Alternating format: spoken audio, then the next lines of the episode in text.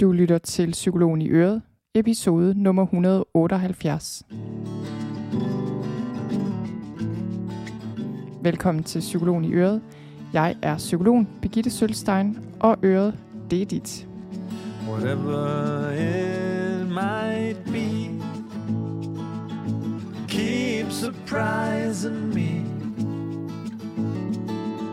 Whatever right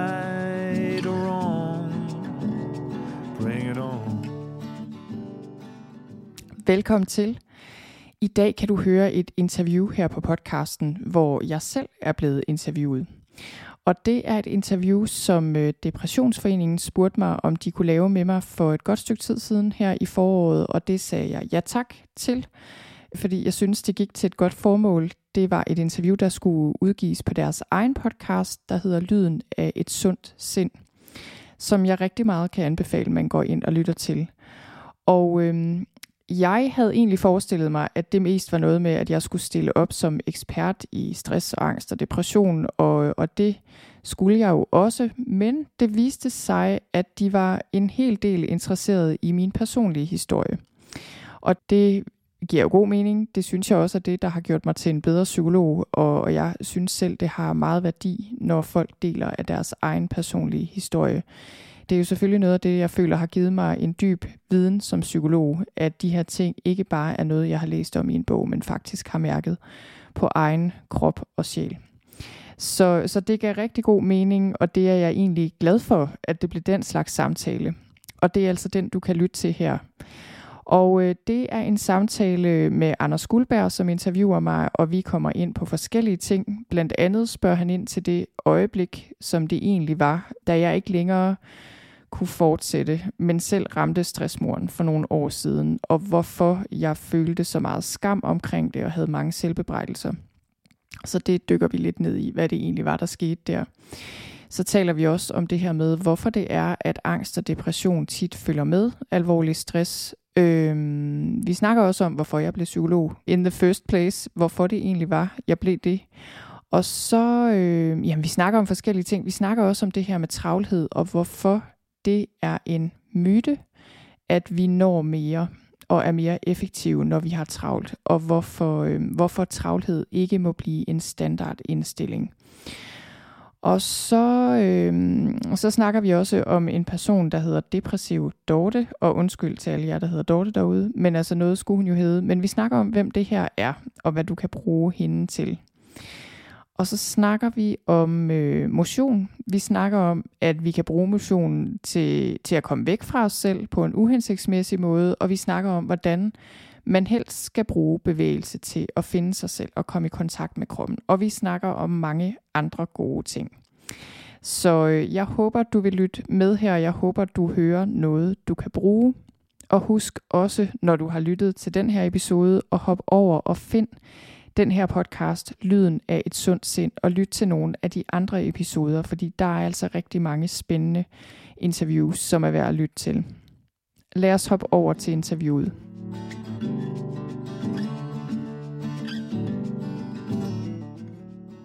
Jeg er jo psykolog, og det øh, er jo det er egentlig et fag, der altid har interesseret mig, ligesom jeg tænker, det interesserer rigtig mange mennesker, fordi vi er jo mennesker, og vi har alle sammen tanker og følelser. Så, øh, så jeg, øh, jeg elskede studiet, og vidste egentlig ikke rigtig så meget, hvad jeg ville bruge det til, andet end at jeg bare synes det var spændende i sig selv. Øh, men der var selvfølgelig også nogle ting i mit eget liv, der gjorde, at jeg synes det var spændende, det her med, okay, hvordan påvirker tanker og følelser. Øh, jeg havde, da jeg var ret ung, som teenager, havde jeg angsten overgang, uden rigtig at vide, hvad det var, fordi dengang snakkede man ikke så meget om det.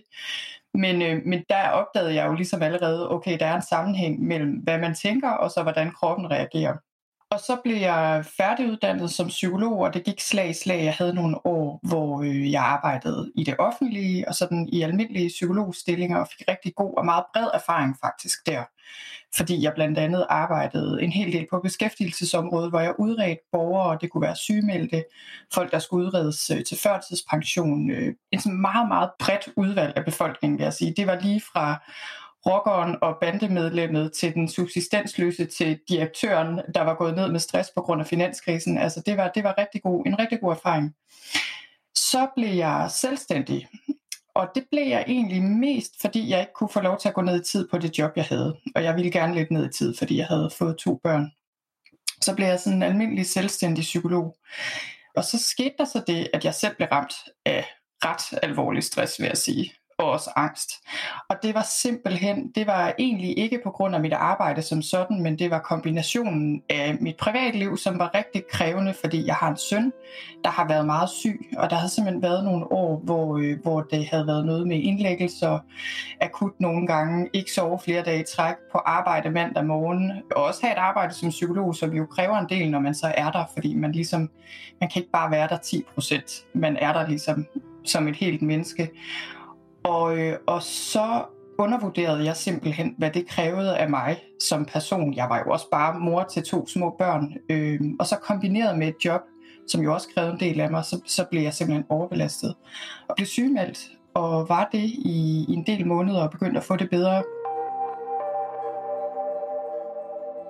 Jeg kunne godt tænke mig at lige spole bare tiden lidt tilbage til øh, der, hvor du gik ned med stress. Kan du huske, da det gik op for dig, altså hvor du var henne, jeg tror, jeg, ligesom mange andre, der er hårdt ramt af stress eller er meget overbelastet, der vil være typisk en periode, hvor man godt er klar over, at der er noget galt, men hvor det er svært at stoppe op. Og sådan var det også for mig. Der kom en periode, hvor jeg godt kunne mærke, okay, jeg begynder at sove dårligt om natten. Jeg begynder at få alle de her fysiske symptomer. Jeg vidste godt, hvad det var. Men, øh, men jeg tænkte, men det her skyldes ikke mit arbejde, så derfor fortsætter jeg bare med mit arbejde. Så jeg fejlvurderede også lidt situationen, og jeg tror også, det er meget klassisk, at man ligesom ser rationelt på situationen, og så kan man ikke forstå, hvorfor man reagerer, som man gør, og så fortsætter man bare. Også fordi, øh, for mit vedkommende, og sådan tænker jeg også der for mange, at jamen, man har jo et arbejde, man har nogle forpligtelser, man vil nødig skuffe sin chef, eller for mig var det, var det dem, jeg havde tegnet kontrakt med, folk, der stod og ventede i Jylland, når jeg skulle undervise. Altså på den måde er der jo nogle gode grunde til, at vi bare fortsætter. Så sådan var det for mig også i en periode. Og det er også det der, når man først kommer ud over en vis grænse og bliver stresset, så, øh, så kan man ikke længere stoppe op. Det er, det er det, der er så fordømt ved stress, at så længe vi er i ro og balance, så har vi overblikket og er gode til at prioritere. Når vi mister balancen og mister, kommer ud over den tærskel, så bliver det svært at stoppe op. Så det der skete var, at jeg, jeg havde det sådan, og jeg kan faktisk også huske, jeg, jeg plejer ellers, jeg er sådan en, der fortæller min mand alt, men jeg fortalte ham ikke rigtigt, hvordan jeg havde det, fordi jeg vidste, hvis jeg sagde det til ham, så ville han tvinge mig til at, øh, at sygemelde mig eller blive hjemme, og det kunne jeg slet ikke overskue. Jeg tænkte, jeg skal bare lige frem til juleferien, så kan jeg slappe af. Og så var det så sådan en morgen, da jeg skulle til Jylland igen. Vi boede jo på Sjælland på det her tidspunkt i København, og så så fløj jeg, tror jeg nok, til Billund, fordi jeg skulle undervise derovre. Jeg kan huske, jeg havde det sådan, da jeg sad i flyveren. Jeg kunne ikke helt finde ud af, om det var flyveren, der rystede, eller mig, altså indeni. Og jeg kom hen, hvor jeg skulle undervise, og begyndte også, men jeg, var, jeg, var, jeg havde det simpelthen så dårligt, at jeg var så svimmel, at efter 10 minutter måtte jeg stoppe. Altså jeg kunne, jeg kunne simpelthen ikke se, hvad der stod på slidesene, og jeg havde det bare rigtig skidt. Og det var først der, jeg stoppede op, fordi jeg simpelthen, jeg kunne ikke undervise. Jeg stod sammen med en medunderviser, og jeg stoppede så, og hun tog over, og så tog jeg toget hjem. Og det var ligesom der, hvor man kan sige, jeg kunne bare ikke længere. Og da jeg så kom hjem, så som mange også oplever, så får man ligesom hele regningen, fordi man har kompenseret så længe, at når man så endelig stopper op, så er det ligesom, så kommer det her kæmpe backlash, som jeg også oplevede. Jeg fik det rigtig skidt, var fuldstændig udbrændt, øh, havde det så dårligt, havde så meget uro, for, for slet ikke at snakke om alle de tanker og bekymringer og dårlig samvittighed, selvbebrejdelser, håbløshed, alt muligt, der bare kom væltende. Så havde jeg en periode, hvor jeg stadig så klienter, men så kom der også den dag, hvor jeg kunne mærke, prøv at høre, jeg, jeg bliver simpelthen nødt til at holde helt fri, fordi jeg også begyndte faktisk, øh, hvilket jeg aldrig havde oplevet før, begyndte at få det dårligt i samtaler med klienter. Jeg havde et par gange, hvor jeg, øh, hvor jeg sådan fik, jeg ved ikke om jeg vil kalde det et angstanfald, men i hvert fald super meget uro. Der var nogle af de ting, klienterne sagde, der handlede om sygdom, og nogle af de ting, jeg selv havde oplevet med min søn, der simpelthen triggede mig så meget, at jeg blev dårlig af det. Og det skete et par gange, og da det var sket et par gange, så tænkte jeg, okay, det går ikke det her. Og så stoppede jeg også med det. Og så var jeg fuldt sygemeldt i øh, adskillige måneder.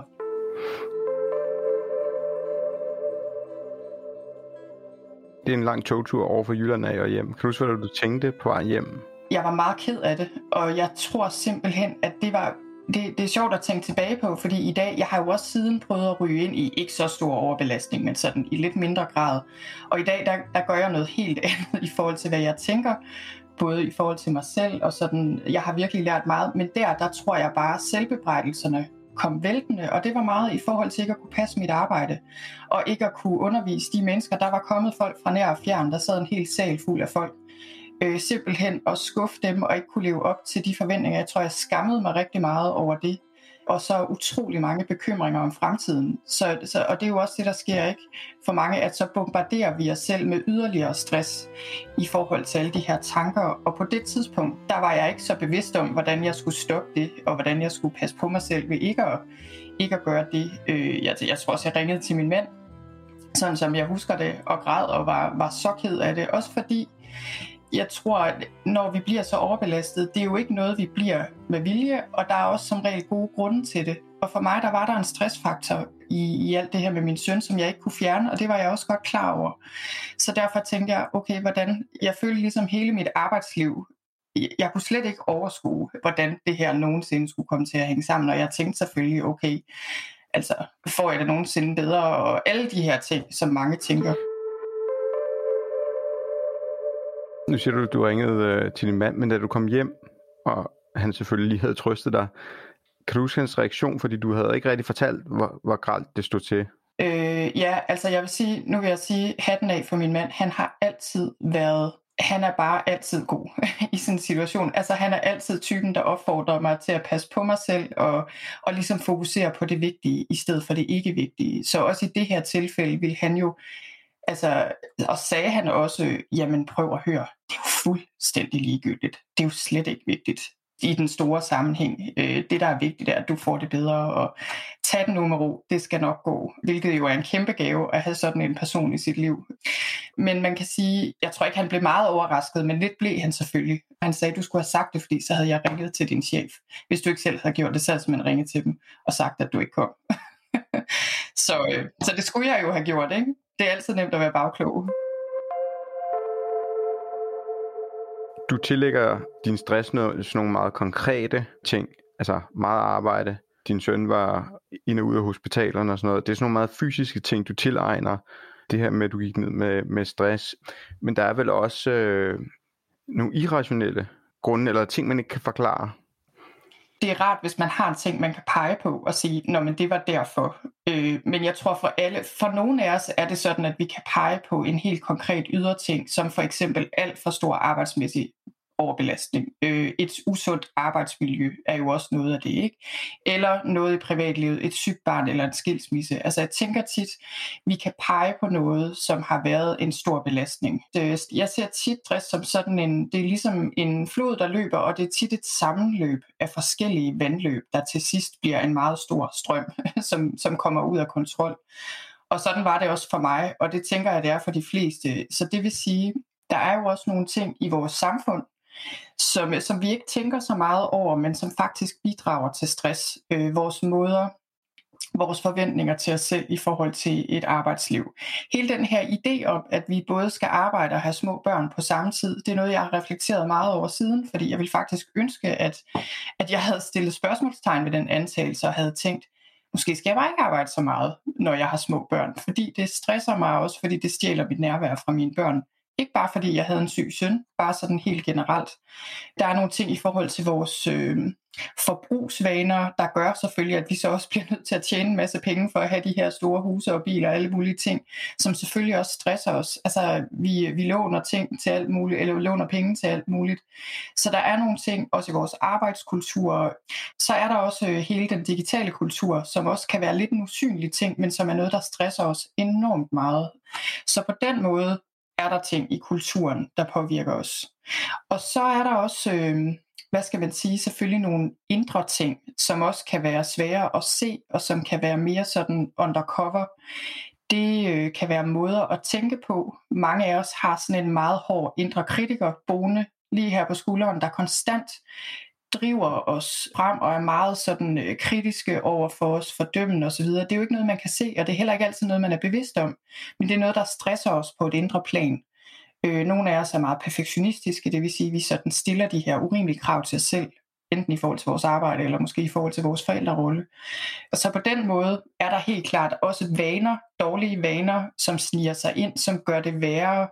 Så jeg føler, at vi kan sjældent koge stress ned til én ting. Det er tit et sammenløb. Der, hvor man skal passe på, det er ligesom enten at sige, jamen det er samfundets skyld, eller min arbejdsplads skyld, og nu bliver jeg bare ramt af stress, og nu er jeg et offer, der sidder her og har det dårligt. Men vi skal også passe på at sige, jamen det er kun på, den, på grund af den måde, jeg tænker på, eller på grund af min dårlige barndom, eller hvad det nu kan være, ikke? at jeg er ramt af stress. Det hele er min skyld.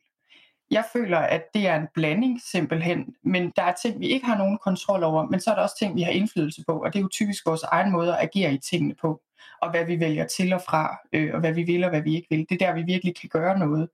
Så, så jeg føler på mange måder, er vi er der ting derude for vores kontrol, men vi er bestemt ikke, vi er ikke magtesløse eller hjælpeløse i forhold til at få det bedre. Hvordan har du det med, med øh, hvis du møder en, en anden forælder over i børnehaven og spørger, hvordan går det på arbejdet, og du får svaret, at jeg er frygtelig travlt. Altså, hvordan har du det med, med den øh, saying? Fordi det er jo helt klassisk, at det er en parameter nærmest, succes er lige med travlhed, eller travlhed er lige med succes.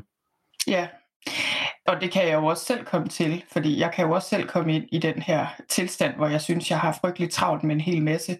Så det tænker jeg er en meget almindelig ting, men netop også, som du siger, at der kan være lidt status i at have travlt, ikke? fordi det er sådan underforstået, jeg har i gang. Jeg har gang i noget vigtigt, der er folk, der har brug for mig, det er bedre at have travlt, end ikke at have noget at lave. Altså det er jo meget, det er jo nemmere at komme og sige, jamen jeg har så travlt på mit arbejde med alle de her vigtige ting, end jamen jeg går bare derhjemme og og laver ikke rigtig det helt store. Altså sådan er det jo bare i vores kultur. Men jeg vil sige, altså når jeg hører ordet travlhed, også når jeg hører mig selv bruge det, så er der lidt en alarmklokke, der ringer for mig. Fordi jeg har ikke lyst til at være inde i den tilstand af travlhed for længe ad gangen. Jeg tænker, det er meget naturligt at være det en del af tiden. ikke. Men det er fordi, jeg har lært, at øh, når jeg er i den travlhed for længe, så kan det komme over i stress, som er skadelig. Jeg skal passe på med at have det som en standardindstilling i løbet af min hverdag, øh, mit arbejdsliv, at jeg bare har travlt. Jeg bliver nødt til at have et rimeligt tempo som udgangspunkt. Så er det fint nok at have travlt i perioder, men det må ikke være noget, jeg gør, og det er bestemt ikke noget, jeg selv synes er værd at stræbe efter. Altså jeg kan se i mit arbejde, jo mere jeg tager den med ro, jo mere når jeg at det, der, der virkelig skaber noget værdi, både for mig selv og også for andre. Så det er fuldstændig en misforståelse at travlhed fører til mere effektivitet eller produktivitet. Og det jeg også synes travlhed gør faktisk, det er, at vi mister det af syne, som egentlig er vigtigt. Fordi vi øh, bliver ligesom revet ud af det her nærvær med os selv og vores børn eller familie eller hvem der nu er vigtige for os, når vi er inde i den her travlhedstilstand.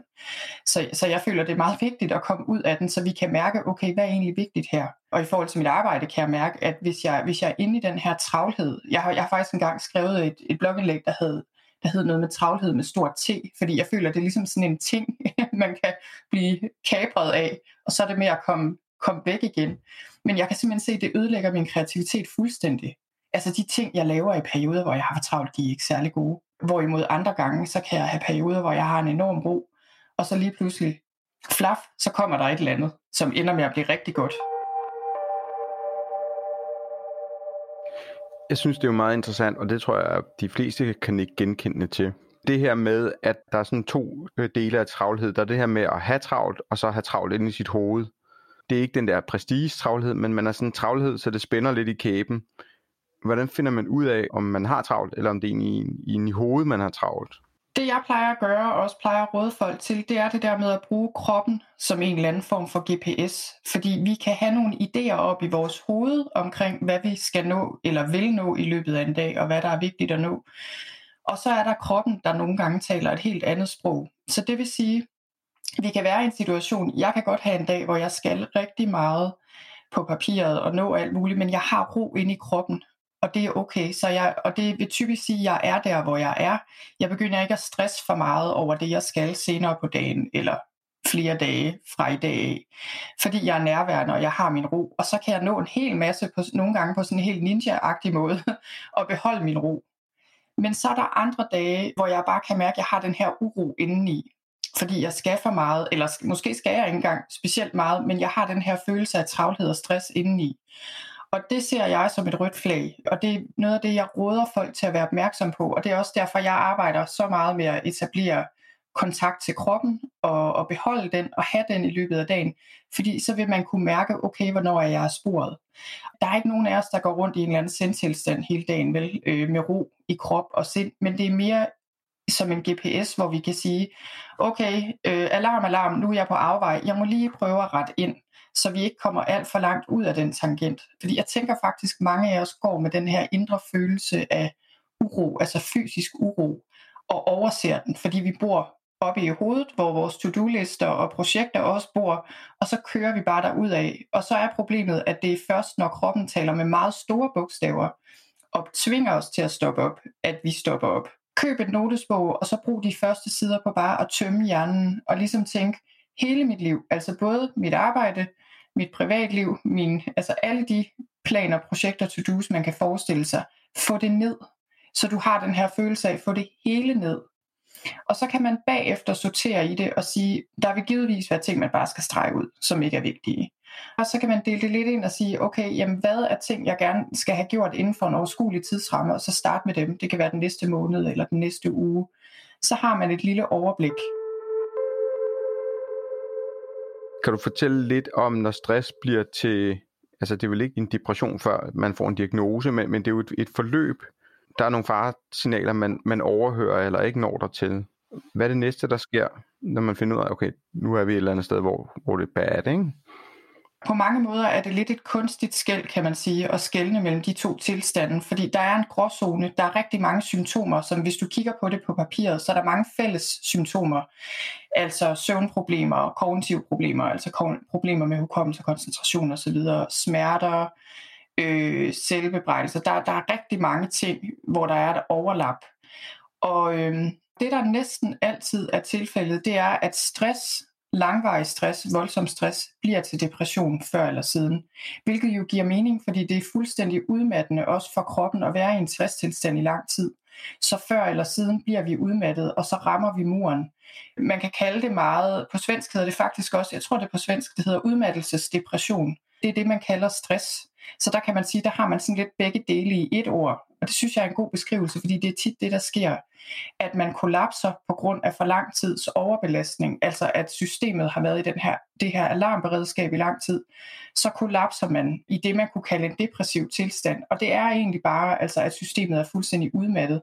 Så det vil sige, at man er totalt energiforladt. Rent fysisk har man rigtig mange symptomer og er fuldstændig drænet, og også i sindet, altså tankemæssigt, er sindet, kan man sige, udmattet. Og når sindet er det, så har det en tendens til at gå i selvsving med selvbebrejdelse og håbløshed, tankemøller, alle de her ting.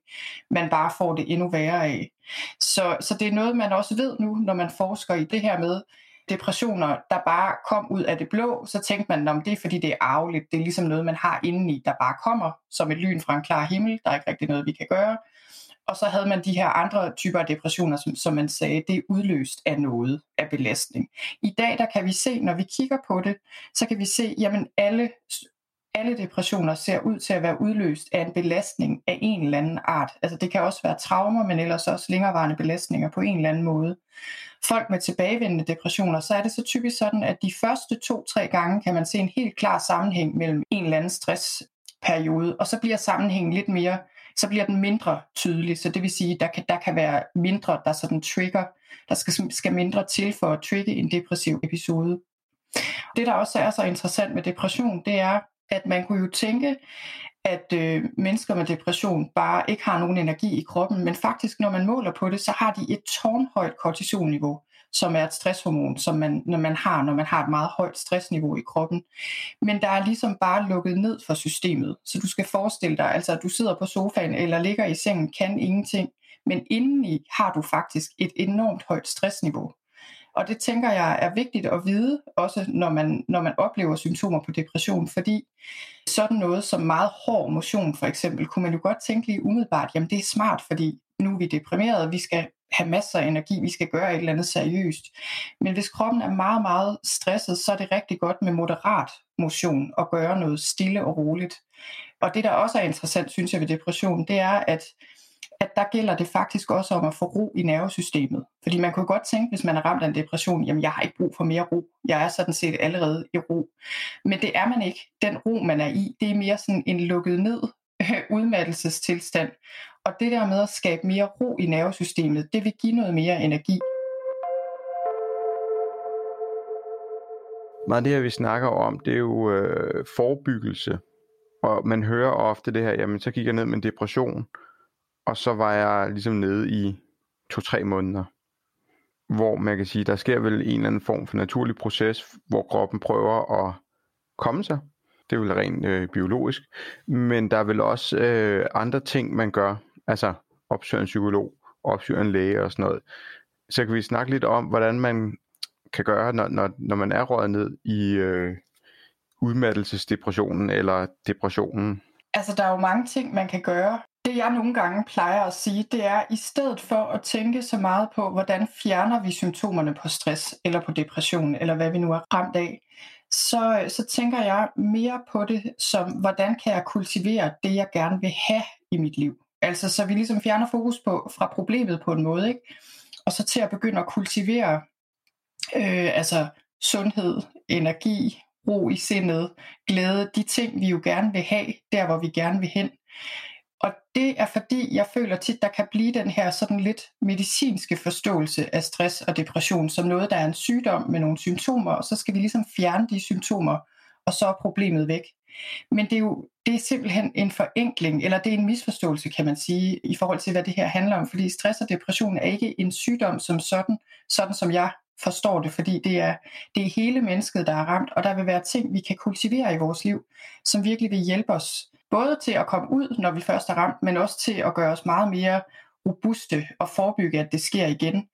Det, det vil være individuelt, hvad, hvad der skal til. Så det tænker jeg også er en meget vigtig pointe, at, at øh, man kan opsøge eksperter, og man kan læse ting og lade sig inspirere, men at the end of the day, så er det utrolig vigtigt, at man virkelig mærker efter og siger, okay, lige præcis i mit liv, og lige præcis i dag, hvad er det, jeg har brug for? Fordi det kan være forskelligt en af de ting, jeg tænker, der er meget fokus på i forhold til depression og nok også stress, det er jo det her med tænkningen.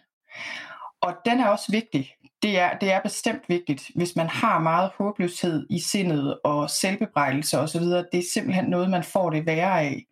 Så det er vigtigt at kigge på.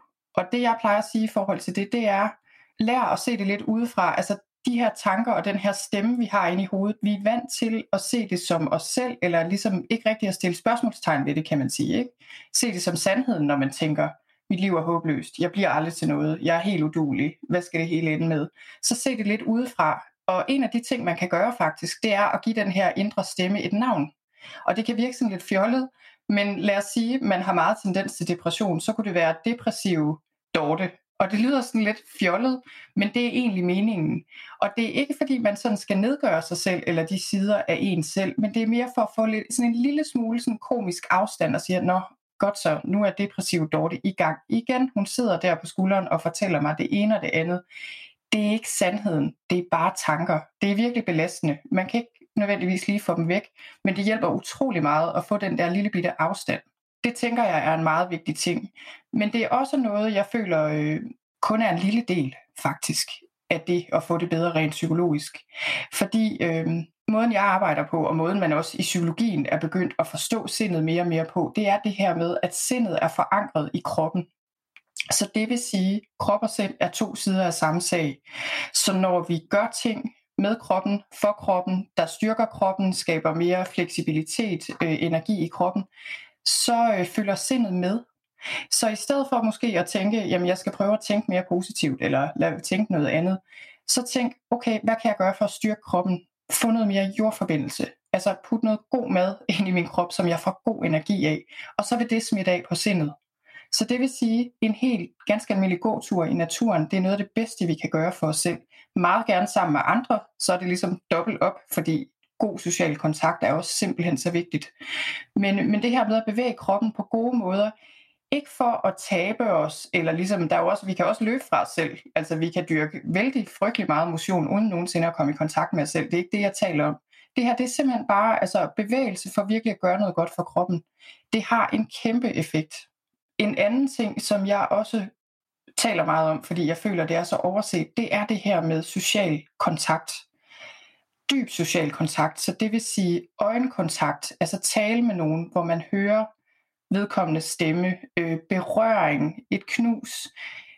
Det er simpelthen så vigtigt. Det er også noget af det, vi er begyndt at, øh, at få øjnene op for i psykologien og neuropsykologien, at vores nervesystemer, de reguleres i samspil med andre mennesker. Det er simpelthen sådan, vi er indrettet rent biologisk. Vi får det så skidt af at være socialt isoleret, og det, det har vi jo lige lært rigtig meget om nu her i coronatiden, hvor, øh, hvor, hvor vi kan se, at vi mennesker vi får det skidt af at være socialt isoleret.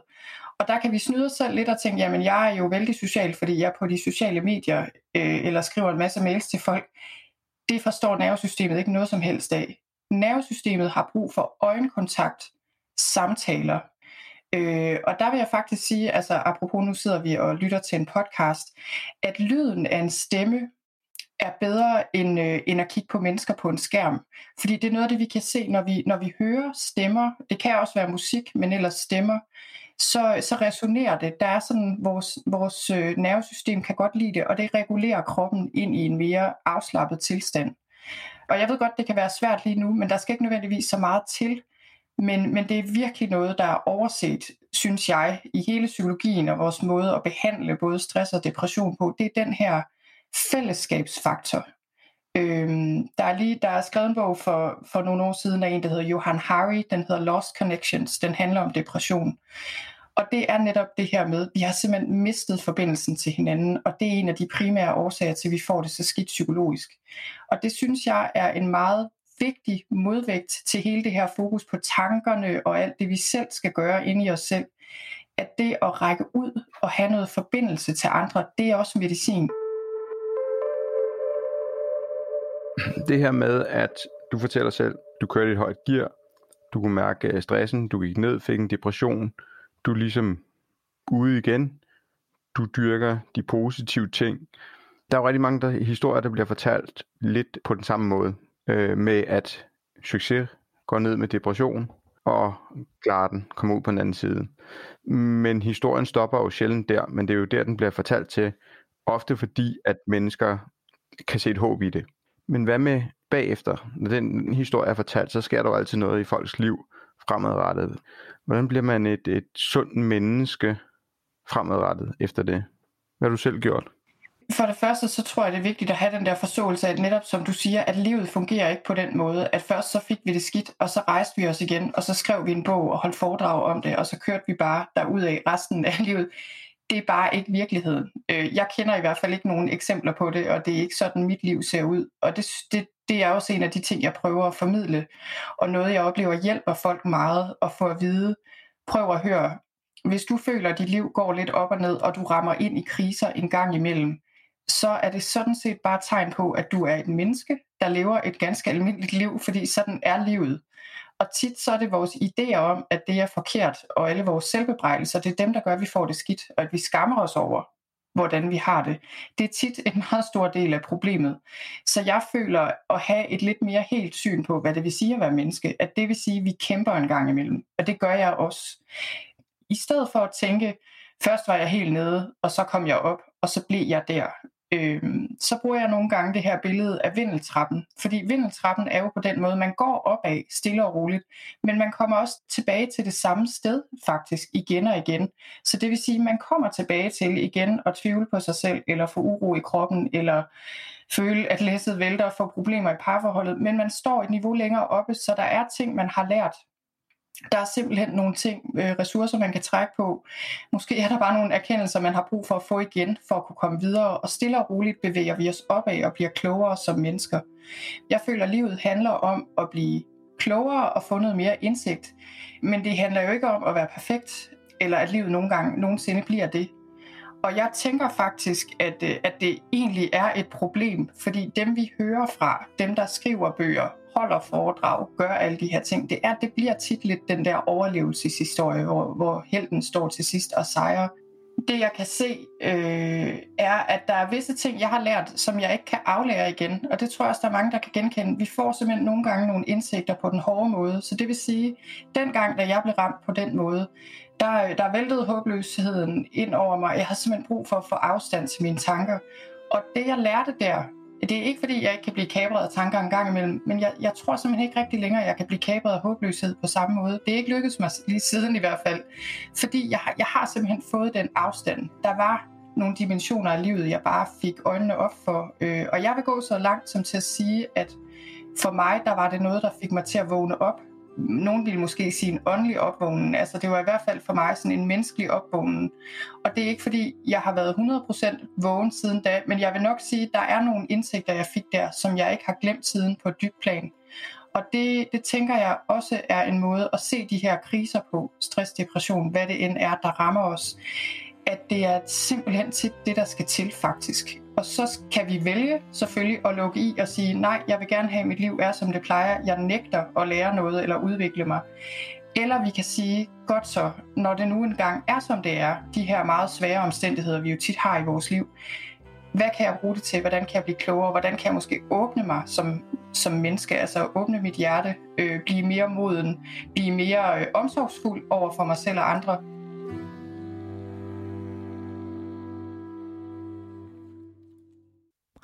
Og det var alt for nu.